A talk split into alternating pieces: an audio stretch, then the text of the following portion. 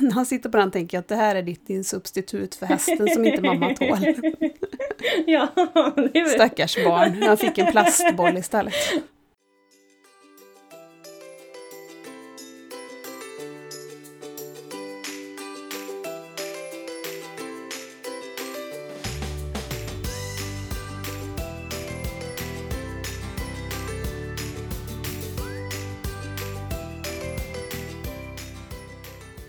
Du lyssnar på Nordlyckans podd, avsnitt 34. Och veckans avsnitt sponsras av Moonkids. Och Moonkids de erbjuder mjuka, goda och tuggvänliga vitaminer för barn. Och de här vitaminerna de finns i fem olika varianter. Det är multivitamin, D-vitamin plus kalcium, C-vitamin plus zink, fiskolja med omega-3 och vitamin plus mineral. Och D-vitamin plus kalcium det är speciellt framtaget för barn som inte äter mjölkprodukter. Om det är D-vitaminet man är ute efter, som man kanske är om man bor i Sverige och det är vinterhalvår, så ska man istället gå efter multivitaminen. Och ett kosttillskott det kan aldrig ersätta en allsidig kost, det vet vi. I våran familj så är vi ganska dåliga på att tillaga fisk. Och därför känns fiskolja med omega-3 lite extra bra för just oss. Mina barn äter även multivitamin. Och vitaminerna kommer i olika barnvänliga former. Det är apor, det är fiskar och det är hjärtan. Och vi har fått gömma våra burkar med vitaminer långt upp i ett skåp. För om vi glömmer vitaminerna så gör inte barnen det. Så gå in på moonkids.se och beställ vitaminer nu. Tack Moonkids! Och i det här avsnittet så har jag min sidekick med mig. Hej Sanna! Hej Emma!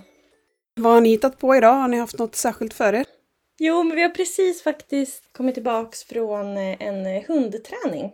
Vi har en eh, hundhall precis i närheten där vi bor, där vi brukar ta med oss barnen och våra grannar och deras barn och deras hundar. Det brukar bli träning för alla när vi är där. ja, men vi har precis kommit hem därifrån, haft det jättelyckat.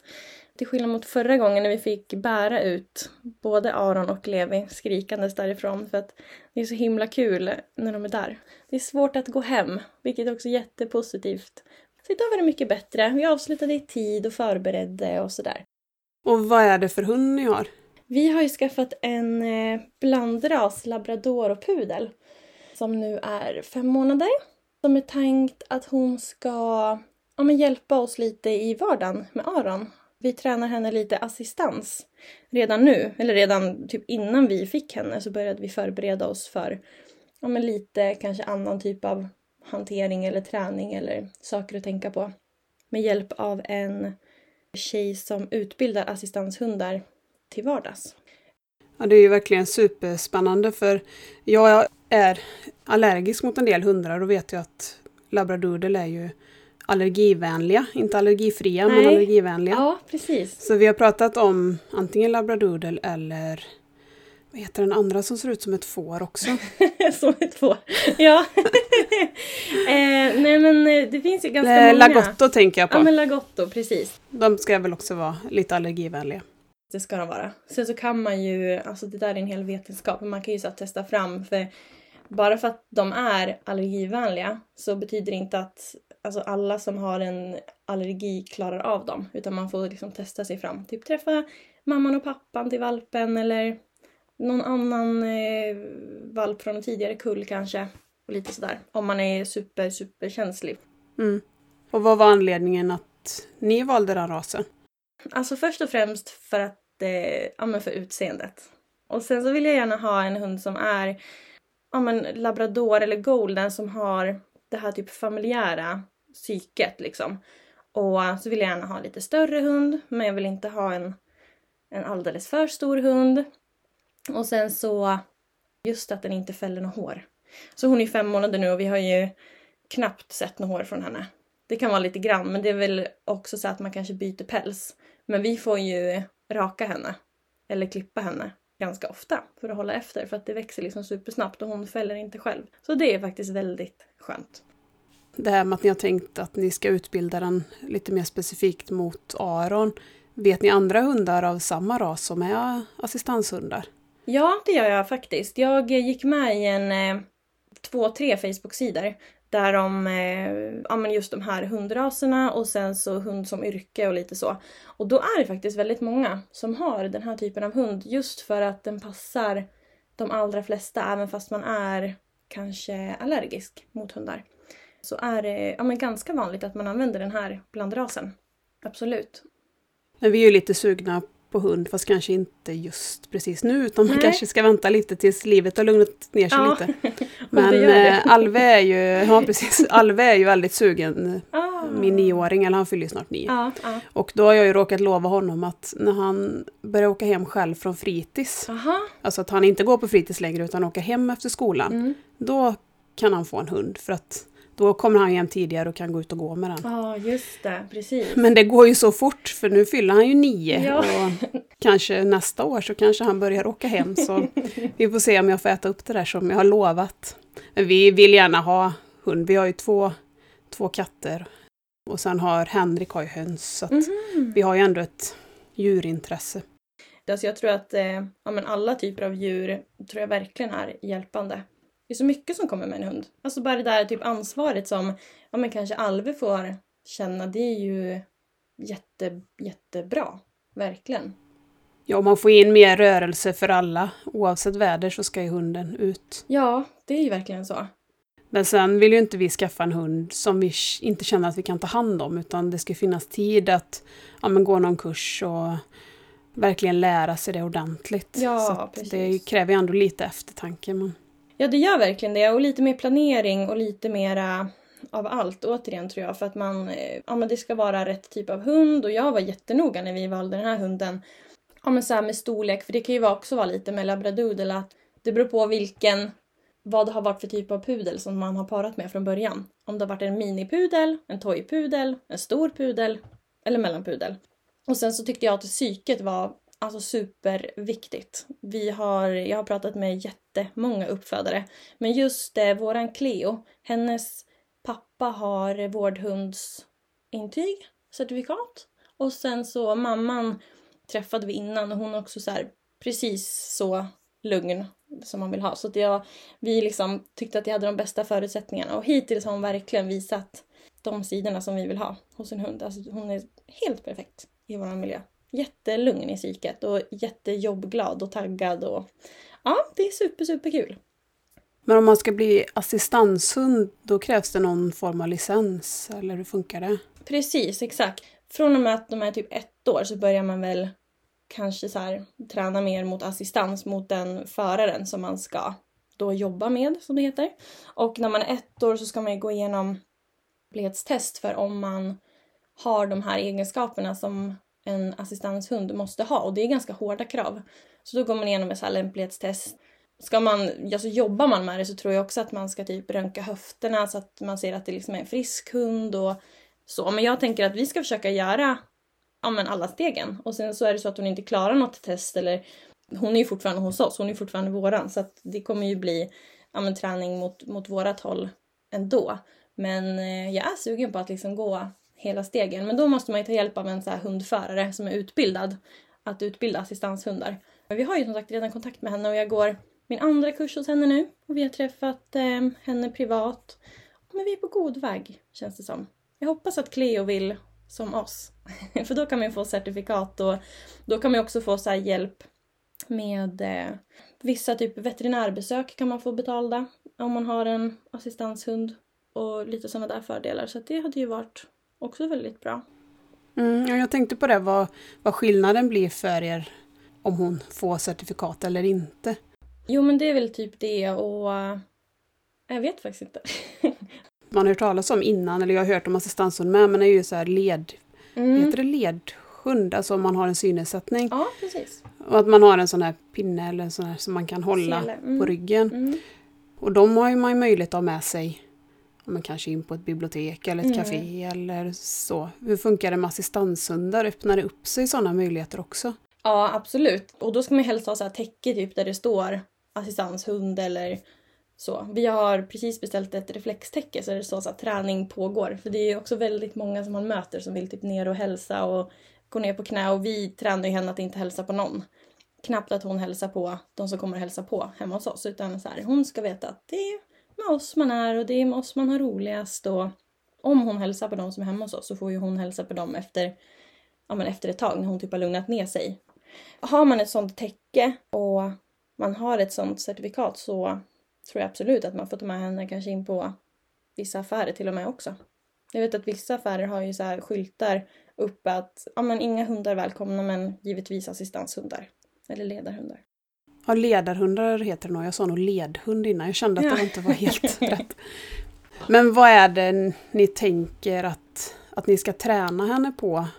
Alltså på vilket sätt ska hon hjälpa Aron? Alltså framför allt så tänker vi att hon ska hjälpa oss i nya miljöer. För vi kan ju typ inte åka någonstans utan bildstöd eller spontant svänga in på någon lekplats som vi inte har visat någon bild på eller åka hem till någon kanske också är svårt om vi inte har visat någon bild eller om det var länge sedan han var där. Till exempel så var vi hem till min mamma i somras och hon eh, bor inte här i närheten. Då hade vi visat bilder på alla som bor där och liksom vilka vi skulle träffa och sådär. Och när vi kör upp på uppfarten så stod det två personer där som eh, vi inte hade blivit informerade om att de skulle vara där. Och det var liksom ganska spontant att de var där också så att då fick jag Aron en superlåsning. Först var han jättetaggad och liksom började gå sina marschsteg upp mot ytterdörren och så såg han de här två personerna och så bara tvärvänder han och går rakt bak mot bilen igen. Och då joggar jag upp för den här lilla backen och tittar, jaha, vad var det som hände? Hur såg det ut när han kom upp? Okej, de personerna var där. Det visste inte vi, alltså vi hade liksom inte sagt det eller visat bilder på dem. Och då tog det typ, jag tror att det var två eller två och en halv timme innan Aron liksom kom upp till oss. Så vi hann ju liksom både käka lunch och ta en fika och allt sånt där innan Aron och Robban kom upp. Så där tänker vi att ja, men Cleo kanske kan vara med och putta lite på Aron eller så här, gå nära honom. Att hon har typ en sele med en sån här liten båge, inte en sån båge man har vid en ledarhund men det finns ju en sele liksom med ett litet handtag eller vad man ska säga, upp till. Att vi ska lära honom att liksom hålla i den, att men här är det tryggt liksom. Och att Cleo står trygg bredvid Vi går tillsammans. Ja men precis, så att vi har det så kopplet och att hon följer vårt kommando men att hon liksom ska så här, ja, putta med Aron lite. Mm. Eller typ när vi går på promenad, som jag har berättat förut tror jag, att han hela tiden vill gå åt ett specifikt håll. Att hon samma sak där ska kunna vara så här, hon får gå nära Aron och så buffa på honom lite åt, åt det hållet som vi vill gå. Eller bara trygghet här hemma. När han hoppar och stimmar i soffan eller när han blir arg. Att hon ska kanske träna att lägga sitt huvud på hans ben eller tassen eller bara vara, bara vara nära. En trygghet liksom att eh, få lugn i de här stissiga stunderna typ. När han lätt, lätt går upp i varv. Att hon liksom bromsar det innan han kommer i de där. Så det är väl typ de huvudsakerna som vi fokuserar på. Jag vet inte om jag tänkt tänkt på det så mycket innan. Alltså hund har vi ju tänkt på men inte kanske det skulle vara så mycket mot vide. Men jag sitter och tänker på de sakerna vi har problem med att motivera honom till rörelse. Ja, Till exempel. kasta en boll och samspel och Hålla ha kvar honom i en lek ja, kanske. Precis. motivera kanske också att röra sig utomhus. Och Mm. Man kan nog eh, individanpassa väldigt mycket. Ja, gud ja, verkligen. Och det är det som är så himla kul också med tjejen som vi träffar på privatträningar. Man behöver liksom inte säga så mycket för hon ser ju saker som, som vi kanske inte har tänkt på heller. Eller tips på hur man skulle kunna avleda en sån situation som man är så här, oj, ja men faktiskt. Men då är meningen att Aron ska vara med en del så att hon också får se hur han är. Mm, precis. Så att när hon är här hemma Mm. hos oss så är alltid Aron med. Så att hon lär känna honom också. Och sen så går ju jag som sagt eh, på kurs. Nu går jag unghundskurs hos henne. Och då är det alltid lite så här, ja ah, men hur är läget med familjen? Och, och så berättar jag lite så här status, hur det är. Hon bara, ah, men det är jättekul. Så att jag håller också så här henne uppdaterad hela tiden inför nästa träff. Det är jättekul, jag älskar den här världen. Det här nya intresset. Min lilla syster har berättat att hon, eh, hon läser till, åh nu säger jag alltid fel. Jag säger alltid fritidspedagog men då får jag själv, för det heter fritidslärare. Jaha, okej, ja ja. På en av skolorna som hon har vikarierat, där har de en, tror det kallas skolhund. Säkert. Som barnen kan gå och läsa hos. Jag gissar att det är barn då som har lite svårigheter att läsa. Och då får man gå och läsa för den här hunden. Så den har ju lärt sig då att sitta nära och sitta stilla och verka lyssna. Då. Ja. Så det låter ju också väldigt spännande att använda djur på det sättet. Alltså jag tycker det är jättefascinerande. Det är så jäklans fint när man ser vilket resultat det ger. Jag har också så spunnit lite på om man ska, ja men om jag ska använda Cleo i tjänst. Att jag ska liksom jobba tillsammans med henne. Åka och hälsa på så äldreboenden eller sen när man får komma in såklart. Om man hälsar på på skolor eller haka på någon förskola på lite utflykter. Att man gör typ att under en höst så hänger man med den här förskolan varje onsdag när de går ut på promenader eller på sina utflykter och så kan man ha liksom olika uppdrag med Cleo och alla de här barnen. Olika uppdrag beroende på vad de kanske jobbar med i skolan eller jag tror så att det skulle, alltså det tillför nog så himla mycket att bara ha dem liksom närvarande och på lite mer så daglig basis och de tillför ju så mycket. Mina föräldrar har haft hund innan. Den sista gick ju bort för ett och ett halvt år sedan så jag har inte riktigt någon uppfattning om hur Vide reagerar. Vi har ju två katter Ja. och de kan han ju klappa på. Han har ju ofta koll eftersom han jobbar mycket med sin hörsel. Han har ju ett ljud som låter som katt. Mm. Så vi tror ju att han ofta talar om att kom katten ner för trappan. Till exempel att han hör det. Min lilla syster som jag nämnde, de ska skaffa en golden retriever. De får den nu någon gång i februari. Åh, mysigt. Och hon har ju också tänkt att kanske kunna jobba mot skolans värld med, med hund. Mm, gud vad fint. Så hon pratar om att hunden även ska lära sig tecken, till exempel sitt. Ja, just det. Precis. Både verbalt och med tecken. För att Vide till exempel skulle kunna säga till hunden att sitta. Men gud vad häftigt. Det ska jag också lära Cleo. Det är ju självklart. Så då ligger de ju ett steg före, eller då kan vi ju se lite nu hur, hur Vide reagerar på hund överhuvudtaget. Det är jättebra ju. Gud vad kul och så himla fint av henne att kanske använda den i, i sitt jobb. För jag tror att det kan nog vara ett jättestort hjälpmedel för väldigt många barn med eller utan diagnos.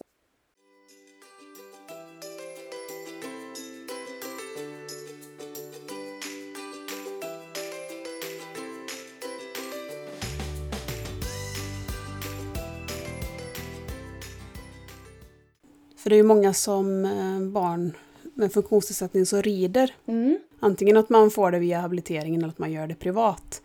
För det är också den här, både kontakten med djuret plus att det ger ju väldigt bra träning för bål och balans och allting att sitta på en hästrygg. Ja, verkligen. Ja, det är det ju. Och det, jag är ju då allergisk mot hundar men hästar är jag superallergisk mot så det är helt, det är helt kört. Nej, vad tråkigt. Så det är ju lite tråkigt. Verkligen. Annars hade jag nog kunnat tänka mig att göra det med Vide som en aktivitet och testat det. Ja. Men eh, det blir ju inte nu. Men han fick en, eh, vet, en pilatesboll Mhm. fast den ser ut som en jordnöt så att det är som två bollar. Alltså att den liksom går ner lite i mitten. Aha, ja, ja. En sån eh, fick han nu, för jag hade sett det i någon grupp på Facebook att man kunde ha det. Vi har ju tränat innan att han har suttit på en pilatesboll för att träna bål och balans och så. Mhm. Men det klarar han ju bara några sekunder och han kan ju inte sitta själv på den. Men så köpte jag en sån här och den är ganska låg. Bulla, bulla upp med kuddar och sånt runt om han som man gjorde när man hade en bebis som fall han skulle ramla av den där. Men han är så himla motiverad att sitta på den för att vi sätter ju den då ganska långt fram framför tvn. Så att han kommer ju närmare tvn än sin vanliga position i soffan. Bra! När han sitter på den tänker jag att det här är ditt din substitut för hästen som inte mamma tål. ja, det. Stackars barn. Han fick en plastboll istället. Men han sitter så rakt och fint på den där och sen så stimmandet går ner också. Mm. Det tycker jag är intressant. Att han kan ju sitta och stimma väldigt mycket när han tittar på TV. Mm. Men när man sätter han på den bollen så går stimmandet ner. Så han har nog ändå den här lite oron i kroppen som Eftersom han är så lugn och stilla jämt så tänker vi kanske inte på det här hyperaktiva riktigt. Det syns ju inte på det sättet men när han kommer på bollen så är det som att bara han blir mycket, mycket lugnare. Det är ju jättefint också att du har lite så här, ja, men avslappning och koppla av en stund kanske. I kroppen, Mm. det är väl jättebra.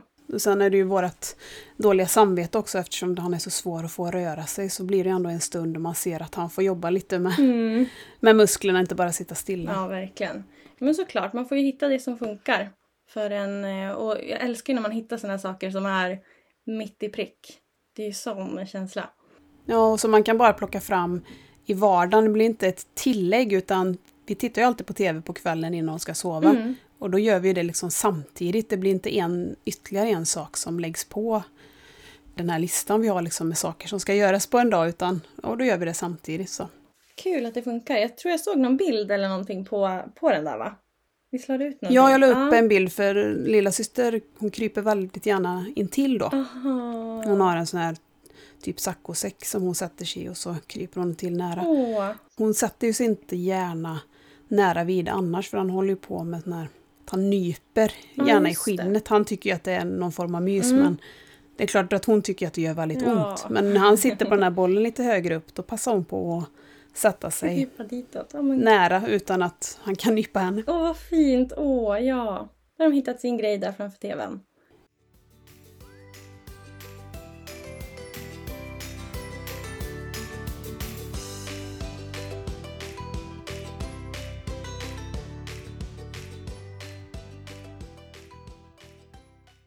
Vad har ni gjort för kul idag?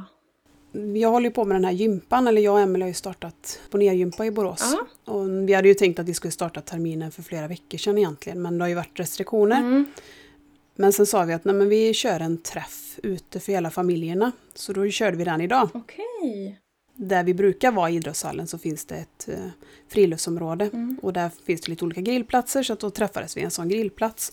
Så det var väldigt enkelt. Alla hade med sig eget att grilla och vi hade med oss ved och så hade jag fixat varsin, varsitt kit för såna här s'mores. Åh. Lite såna amerikanska. Ja, jättesöta.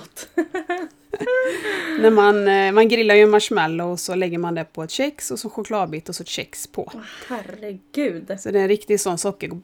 Ja, men gud vad gott. Men gud vad mysigt då. Var det, hade ni bra väder och bra uppslutning? Hur Ja, det snöade lite grann men det regnade ju inte. Och vi blev sju familjer. Vi är tio barn som är aktiva i gympan eller som anmält sitt intresse. Så det var väldigt bra uppslutning. Kul! Gud vad roligt att höra. Men vi, det var...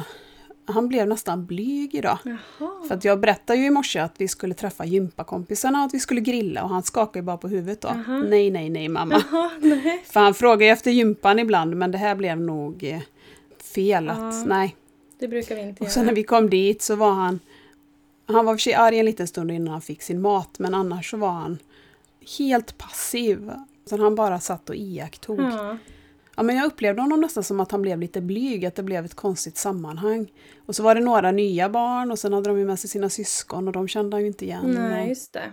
Ja, men så här, bra träning också att... Eh, ja, men för han kände ju säkert igen jättemånga röster och ansikten och så på en ny plats och tillägg med andra familjemedlemmar. Det är ju jättebra träning. Jag tecknade åt honom och sådär att det var jätteroligt vid att träffa dina kompisar och då bara skakade han bara på huvudet.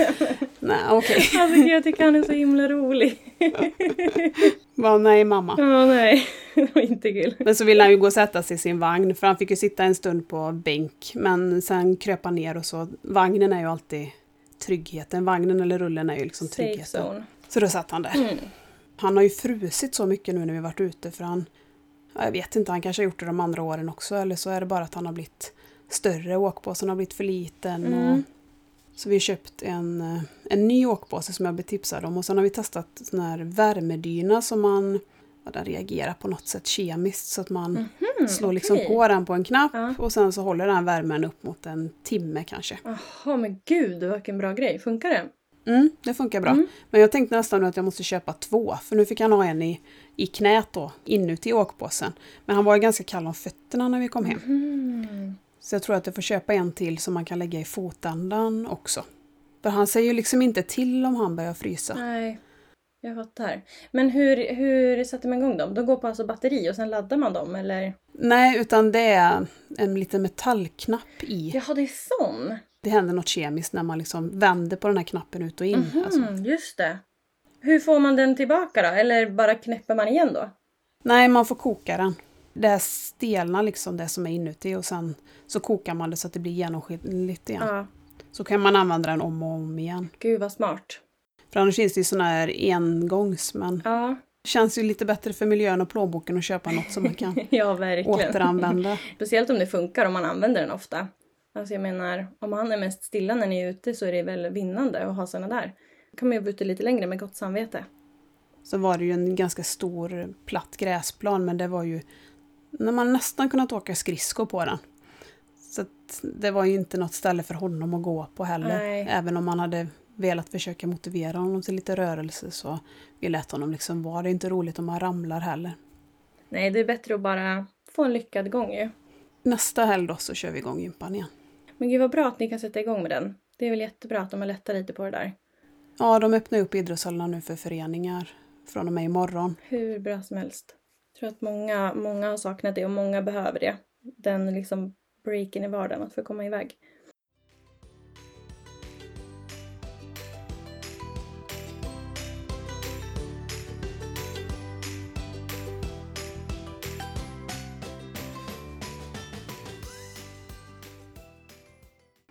Hur eh, har det gått med sömnen för Aron sen vi hörde sist? Mm, inte så bra. Jag, eh, typ, eller vi, är vrak. Helt ärligt. Jag får typ en gråtklump när jag pratar om det. Det är faktiskt jättetufft nu. Ja, men vi hade ju precis börjat med melatonin tror jag, när vi pratade sist. Ja, ni skulle kombinera det med en annan Ja, medicin. precis, exakt. Men eh, nej, alltså jag tycker inte att det hjälper ett dugg. Den här veckan vaknade han typ halv tre natten till tisdag. Och sen har han vaknat både natten till fredag och natten till lördag. Och vi har sen förra veckan börjat vara hemma på fredagar. Att vi ska få långhelger med grabbarna. Så har vi tänkt att vi ska köra det förhoppningsvis hela, hela vägen fram till sommaren. Då när man liksom vaknar kvart i två natten till fredag och Aron tror att det är dags att kliva upp. Då sätter liksom hjärnspökena igång direkt. Alltså det blir så tungt att alltså helgen blir så otroligt lång. Jag och Robban får ju sova i omgångar. Typ klunsa om vem som tar första sov, sovningen. Och jag jobbade till och med i fredags ett par timmar. Försöka överleva dagen bara. Och sen så då när han vaknade natten till lördag då är det så här. Nej jag, jag står inte ut, alltså det går inte. Jag tänker inte göra det här. Men eh, på något konstigt sätt så tar man sig ju igenom dagarna. Men jag ska faktiskt ringa läkaren imorgon igen. För den här stressen, det går typ inte att beskriva, men stressen är så sjuk i min kropp när han vaknar där på natten. För att det blir ju miljoner tankar. När kommer Levi vakna? Hur ska vi dela upp oss? Aron och Levi sover i samma sovrum i en våningssäng. Det är precis intill vårt sovrum. Och för tillfället har vi inget mer sovrum eller rum över. Så att, ja, och han har ju så höga ljud för sig. Svarar inte så bra på när man hyschar eller säger att han ska viska och sådär. Så då tänker man det, när kommer Levi vakna? Ska jag och Robban dela på oss? Så att han kan liksom vara med Levi utifall han vaknar till så kan ju han få Levi att somna om snabbare. Ska vi skjutsa iväg till förskolan? När ska jag jobba? När ska Aron sova? Hur ska vi göra med lunchen? Alltså, hur blir det ikväll? Ja, det påverkar ju hela dagen om man inte får sova på natten. Allt blir upp och ner och sen ska man liksom försöka hitta rytmen till nästa natt för att han ska få en hel natt då. Och i vanliga fall så är vi ganska säkra på att om han har haft en vaken natt så sover han dagen efter. Men i helgen gjorde han inte det och alltså hoppet liksom rinner av en när man ser, när man kollar på klockan där på natten. Det är mycket psykiskt också med, med tanke på att det här har varit liksom så himlans länge. Har ni tänkt någonting på alltså få någon form av stöttning av kommunen? Har ni varit inne på några sådana tankar? Ja, vi var faktiskt i den svängen. Jag tror att det är typ ett år sedan. Och då fick vi, ja men då hade vi liksom möte med både habiliteringen som, som drog det här strået kanske åt oss där, för de såg liksom hur vi mådde. Så då träffade vi någon handläggare från, eh, vad heter det, LSS? LSS-handläggare? Ja, precis. Och fick liksom bra respons där. Jag anmälde då att jag ville att Aron skulle vara på, vad heter det, daglig verksamhet? Eller heter det det när det är för Kortis, Kortis heter det. nog för barnen. Bra, kortis. Att jag ville att han skulle vara där kanske en lördag och en söndag men jag ville inte att han skulle sova där för att han är så himla liten. För det är också så här, om han har en vaken natt så kan jag typ ta det om jag vet att vi får avlastning på dagen. Då blir det ju mycket lättare att ta sig igenom den vaken natten. För då var han ju liksom ja, men tre och ett halvt. Jag bara gud, ska han sova någonstans? Alltså det kändes så himla, himla, himla stort steg. Och då fick vi faktiskt eh, typ avslag på den idén för att de hade typ som krav att man skulle att barnet skulle sova borta för att man skulle få en sån plats. De hade väl kanske ingen grupp som, som han passade liksom bra i då. För det där beror ju också på vilka som, vilka som har eh, kortis under de tillfällena och vad det är för typ av barn där. Alltså man blir ju så trött när man hör kommuner som slår av på så idiotiska anledningar. Visst är det konstigt? För jag vet ju många som får kortis, alltså att de ska, barnet ska sova över natt, men att man kör en inskolningsperiod för att man tycker att ja, men i början kanske man lämnar bara ett par timmar och sen till lunch och sen hela dagen och sen så småningom sov, sover när man känner att barnet har blivit tryggt. Ja, och det är väl typ så det måste funka. Eller tycker jag i alla fall. De flesta kan nog inte bara lämna in sitt barn och så ska det vara hela helgen på en okänd plats. Så funkar det ju inte för någon. Nej, precis.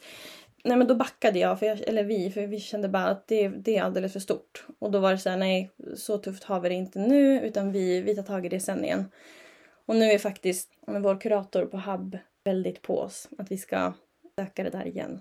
Men då kanske mm. ha avlösare i hemmet. Ja, det är ju det som är alternativet. Ja, precis. För det var inte ett alternativ för ett år sedan. För Aron ville inte att någon skulle vara hemma hos oss då. Eller de som var hos oss Nej, gav okay. han ingen mm. uppmärksamhet. Mm. Inte farmor eller någon som är här liksom ofta. Han tittade knappt och hejade knappt och när de ville leka så skrek han bara nej typ och gick därifrån eller bytte lek. Men nu är han ju lite mer nyfiken på när vi får främmande. När det knackar på dörren så kan han liksom springa dit och vara glad och hälsa typ. Och tycker att det är kul med främmande oftast. Så att nu kanske det är ett alternativ. Vi kanske borde ta tag i det igen. Men tänker ni avlösare för att ta natten eller avlösare på dagen? Nej, då är det väl kanske dagen först och främst. Tills att mm. man kanske hittar någon som man hittar på och är trygg med.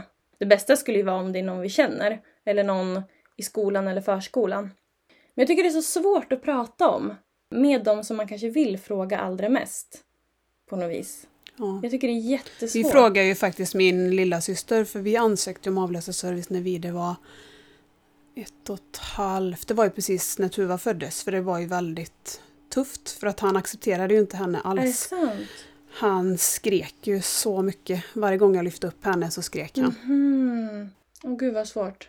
Och då frågade ju faktiskt min lilla syster innan. Han var så liten så vi kunde inte tänka oss att ta in någon okänd då. Och då pluggade ju hon, eller hon gör ju fortfarande. Mm. Så att hon sa ju ja till det då, mm. att hon skulle kunna tänka sig att jobba extra hemma hos oss. Men sen så, det har jag ju sagt flera gånger innan, att vi blev ju inte beviljade någon avläsarservice. Nej. Men nu hade jag nog, för nu är vi ju inne i assistansprocessen. Ja. Och det inser jag ju att Alltså att vi ska få någon vi känner är ju inte sannolikt för att de har ju andra jobb. Ja men det är ju så. Så det får man ju liksom bara ställa in sig på att man hoppas att man hittar någon, någon annan som man kommer trivas med. Ja och det gör man ju säkert. Alltså det finns ju jättemånga där ute som man inte vet och som bara står och väntar på någon att få ja, men ta hand om någon eller vara assistans eller så. Men mm. eh, jag vet inte, det, det, är ett stort steg men jag tror att man, man kan nog vinna supermycket på det. Alltså både relationer och för barnens skull om man hittar rätt person. Man, det, menar, det där klivet känns stort på något vis. Och ibland känns det ju som att kommunerna tror att man söker för skojs skull. Men vem vill egentligen ha in en okänd människa i sitt hem? Man gör ju det för att man måste. Ja, och ofta sen när man söker så har man ju ändå gått igenom ganska mycket själv. Tills att man känner att fast nu, alltså nu är det här en ny nivå.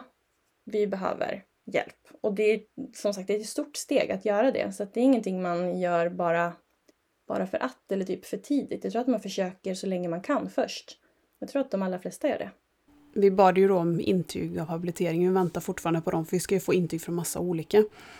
Man blir så hemmatam i allt vi gör kring Vide så man ser ju inte riktigt det med de ögonen. Nej. Men de är ju verkligen inne på vårat spår eller man märker att de förstå behovet. Mm, vad bra, vad skönt. Jag tycker det är så fint också när de ringer och förklarar, även om man vet om det sen innan, att om vi kommer inte skriva om hans styrkor här nu utan Nej. i de här intygen så är det ju hans svårigheter som vi ska trycka på. Ja, verkligen. Gud, det hade jag uppskattat jättemycket. För eh, mm. det visar ju på jättemycket engagemang. Det det handlar om det är att det ska bli en rättvis bild för Vide, eller för Aron. Alltså det är ju det, är det absolut viktigaste. Men nu får vi se, tror vi bad om intygen, det är snart två månader sedan så snart så behöver man ju ligga på för att innan vi har fått några intyg kan vi inte skicka in ansökan och sen tar ju ansökan x antal månader. Ja, ja, ja, säkert. Så man står ju och stampar lite, man är ju väldigt beroende av de här intygen, att de ska skriva dem. Det är också så himla tråkigt att man måste ligga på och tjata och så. Men man förstår ju också att de har ju säkert jättemycket att göra det blir så himla konstigt för att nu står ju ni och stampar på det där. Man vill ju inte hålla på och tjata på dem. Men det är ju så det funkar tyvärr. Med läkare och allt möjligt. Sen förstår jag att vi bad ju om det strax innan jul, att då tar det ju lite extra tid. Men nu har ju ändå terminen kommit igång så då hoppas jag att vi... Jag vet att de håller på med Ja, dem. men det är ju skönt i alla fall. Det hjälper ju inte mig så mycket innan vi har fått dem. Nej, så är det ju. Men man vet i alla fall att det är påbörjat och då kanske inte startsträckan för dem är lika lång att ta tag i ärendet liksom. Sen får man ju lära sig massa nytt när man ska ansöka om assistans för då behöver man ett ADL-intyg. Mhm. Jag måste nästan googla förkortningen. Ja. Aktiviteter i dagliga livet står det för. Okej. Mm. Och det är en arbetsterapeut som ska skriva det.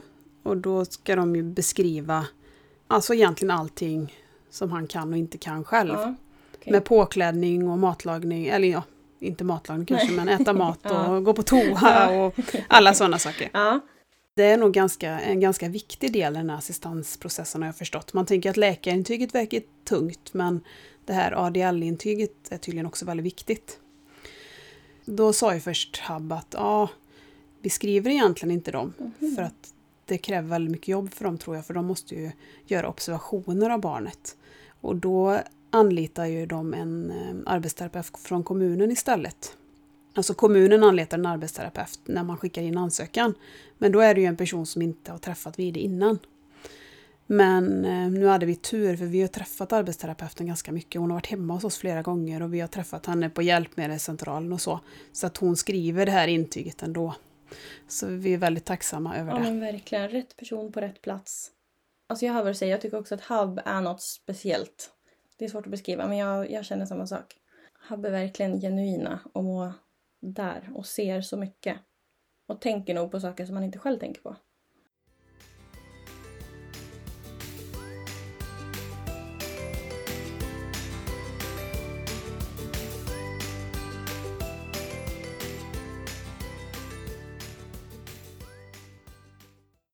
Jag tänkte jag kan säga någonting om Vides mage också. Ja, hur är det Eh, med Jag har ju nämnt det några gånger att han har problem med sin mage. Mm.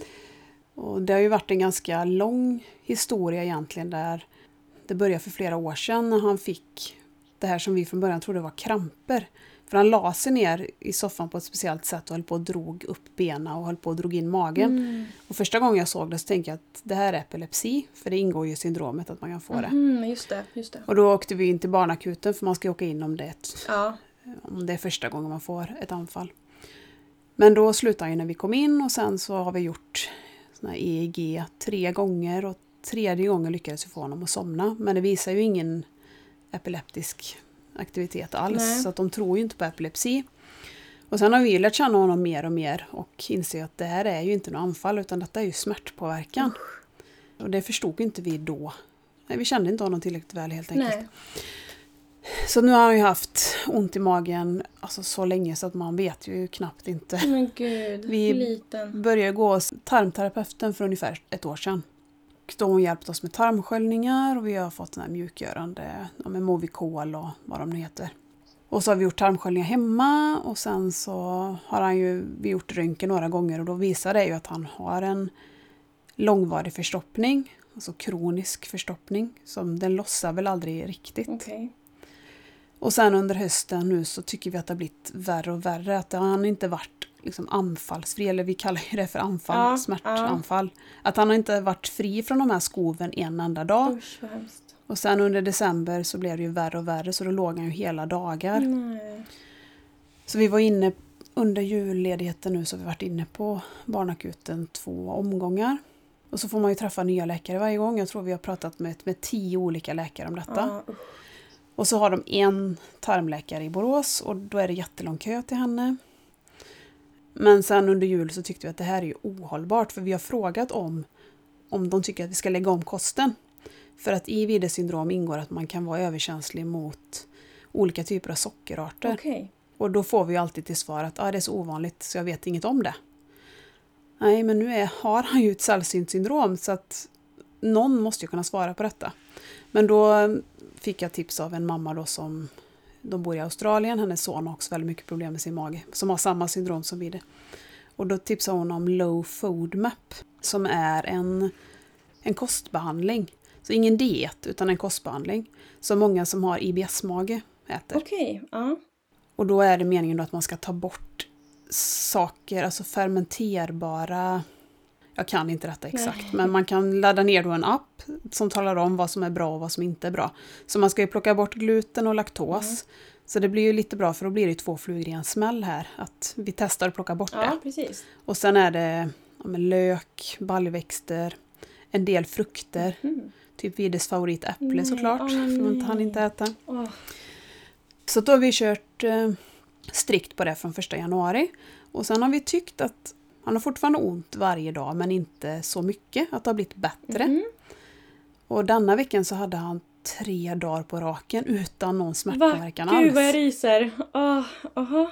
Och så har vi ju känt, för vi håller ju på med de här tarmsköljningarna, att han är ju fortfarande förstoppad. Så att på något sätt, han är fortfarande förstoppad fast ändå är smärtan borta. Mm. Men sen så hade vi fredagsmys och då, vi brukar alltid fika när vi kommer hem på fredagen. Och då fick han ju alltså, fika efter low food map men det är fortfarande vanligt socker i. För det ingår inte att man ska plocka bort det i den, den kosten. Okej. Mm. Och sen fick han ju lite fredagsgodis och vet, lite chips och så. Ja. Och sen låg han ju ner hela dagen igår. Nej. Han började få ont redan på kvällen när han gick och la sig och sen hade han ont, det släppte inte förrän nästan 24 timmar efter. Oj. Så då började vi ju tänka att ja, men det kanske är sockret ändå. Ja. Så nu testar vi att ta bort socker också. Shit vad svårt. Ja, det blir verkligen alltså, jättemycket. Men finns det förslag också på vad ni får, vad han får äta och några recept och grejer i den där appen också? Eller är det... Så det är ju tacksamt ändå nu att det finns så mycket ersättningsvaror. ja. Sen gäller det att det är både laktosfritt och glutenfritt. Det har ändå gått ganska bra. Nu ska det ju vara sockerfritt också. Det blir ju lite svårare. Tanken med den här kostbehandlingen är att man ska plocka bort mat och sen när man blir symptomfri så ska man kunna återinföra. För det kanske inte är så att han kanske inte ens är känslig mot gluten. Nej, Utan det kanske bara är laktos eller det kanske bara är fruktos. Eller... Men så länge han fortfarande är smärtpåverkad så kan vi inte börja plocka tillbaka. Nej. Utan vi måste ju få bort alla symptom först.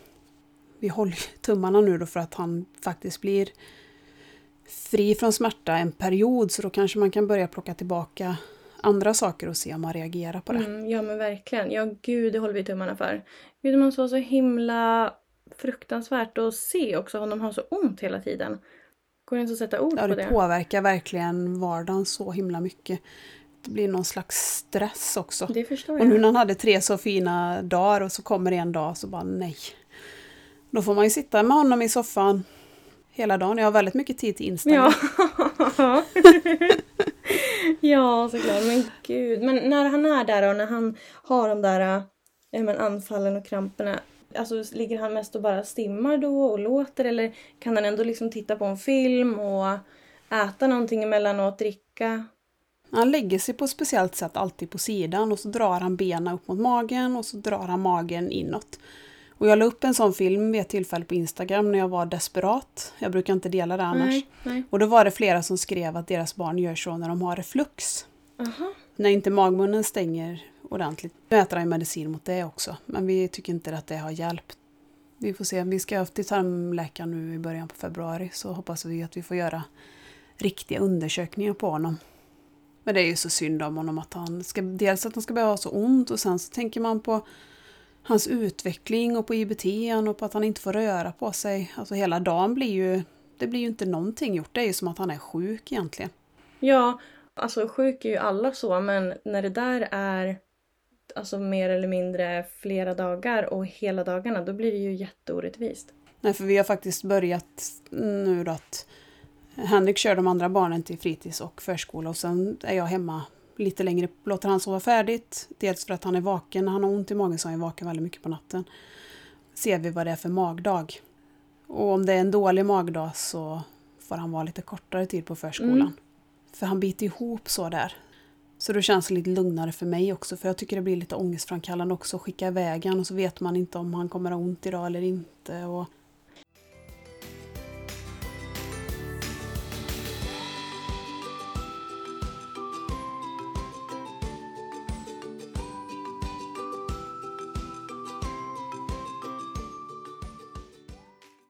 Men du sa att eh, ni ska vara lediga fredagar. Är ni båda två som ska vara lediga? Ja, nu är tanken att eh, båda ska vara lediga fredagar. Jag kommer väl att jobba halvtid på fredagar till i alla fall slutet på februari. Men sen ska båda vara lediga fredagar förhoppningsvis. Och det känns eh, jättekul. Ja, men vi har haft en så himla bra period. Vi tänker att vi måste liksom ta vara på det här. Jag tänkte att varje fredag ska bli typ en, en så utflyktsdag. Att vi varje fredag ska åka till en ny lekpark. Eller att Aron kanske får välja Mm. så här att en vi har varit på tidigare eller en ny. Kan det vara lite på hans nivå också beroende på hans dagsform och sådär. Men att vi men ska ha förmiddagen till att göra utflykter. Det är perfekt också att göra det på vardag för då är det lite mindre folk än om man ska göra det på helgen. Precis, verkligen. Och det, alltså helgerna blir så himla kort ändå. Har man liksom en eller två saker bokade eller ärenden man måste göra, då är det ju hela dagarna. Precis som du säger. Tanken är att det ska vara lite mindre folk, att det ska vara lite på våra villkor och på Arons liksom, villkor. Så att det, känns faktiskt jättekul och spännande. att ta lite långhelger, för det har ju varit våran typ fasa förut. Alltså inför alla lov, alltså julloven eller sommarloven har vi varit såhär, ah oh, shit, hur ska det gå? Man förbereder sig mentalt för hur det ska vara att vara hemma en längre period. För att förut har det liksom inte varit kul att vara hemma. För att rutinerna blir så ur balans. Även fast man kanske försöker göra samma saker, man försöker äta samma tider så blir det ju aldrig likadant. Det är jätte, jag tycker det är jätte, jättesvårt. Så det blir väl lite så här test för oss också. Att ehm, Mm. ja, men utmana lite. Nu när man har så bra period. Jag gick ju ner till 75 procent i höstas. Ja. Jag är ledig måndagar med Tuva. Ja. Än så länge har det inte blivit så många måndagar för att men någon har varit sjuk och sen eh, det är ju bara under termin då som vi har den här utökade tiden. Men nu förra, vi helgen, eller förra veckan var vi lediga ihop och nu imorgon igen. då. Ja. Gud vad mysigt. Jag tror att jag ska gå upp till 80 för jag har ju gått ner till 75 för att jag ska kunna gå lite tidigare på fredagen. Okej. Mm.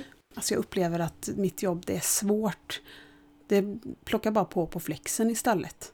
Så då jobbar jag ju gratis egentligen. Ja, det är ju inte bra. Men vad brukar du och Tuva göra då när ni är lediga på måndagar?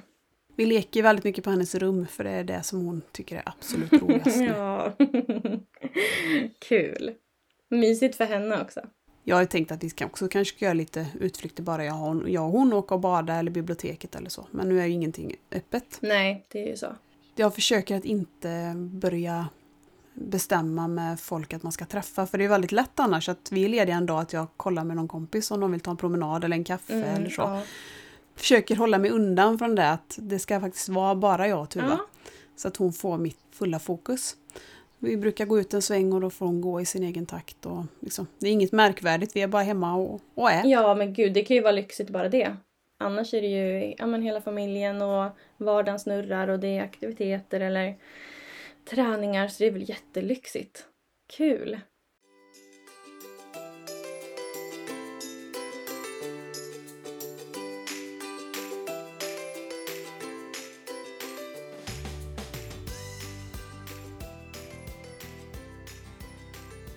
Men vi kanske ska avsluta nu då när vi har fått avsnittet lite så här lagom. Ja, man känner alltid att vi har så mycket att prata om men ja, det kanske är... Ja, men tänk, om vi startar upp en tråd nu så kommer vi helt plötsligt. Då blir det slut och svårt där igen. men tack för idag! Det är roligt som vanligt. Ja. Håller med, ser fram emot nästa gång. Ja, då hörs vi om två veckor Ja, igen. det gör vi. Ha det så bra. Hej, Hej då. hej!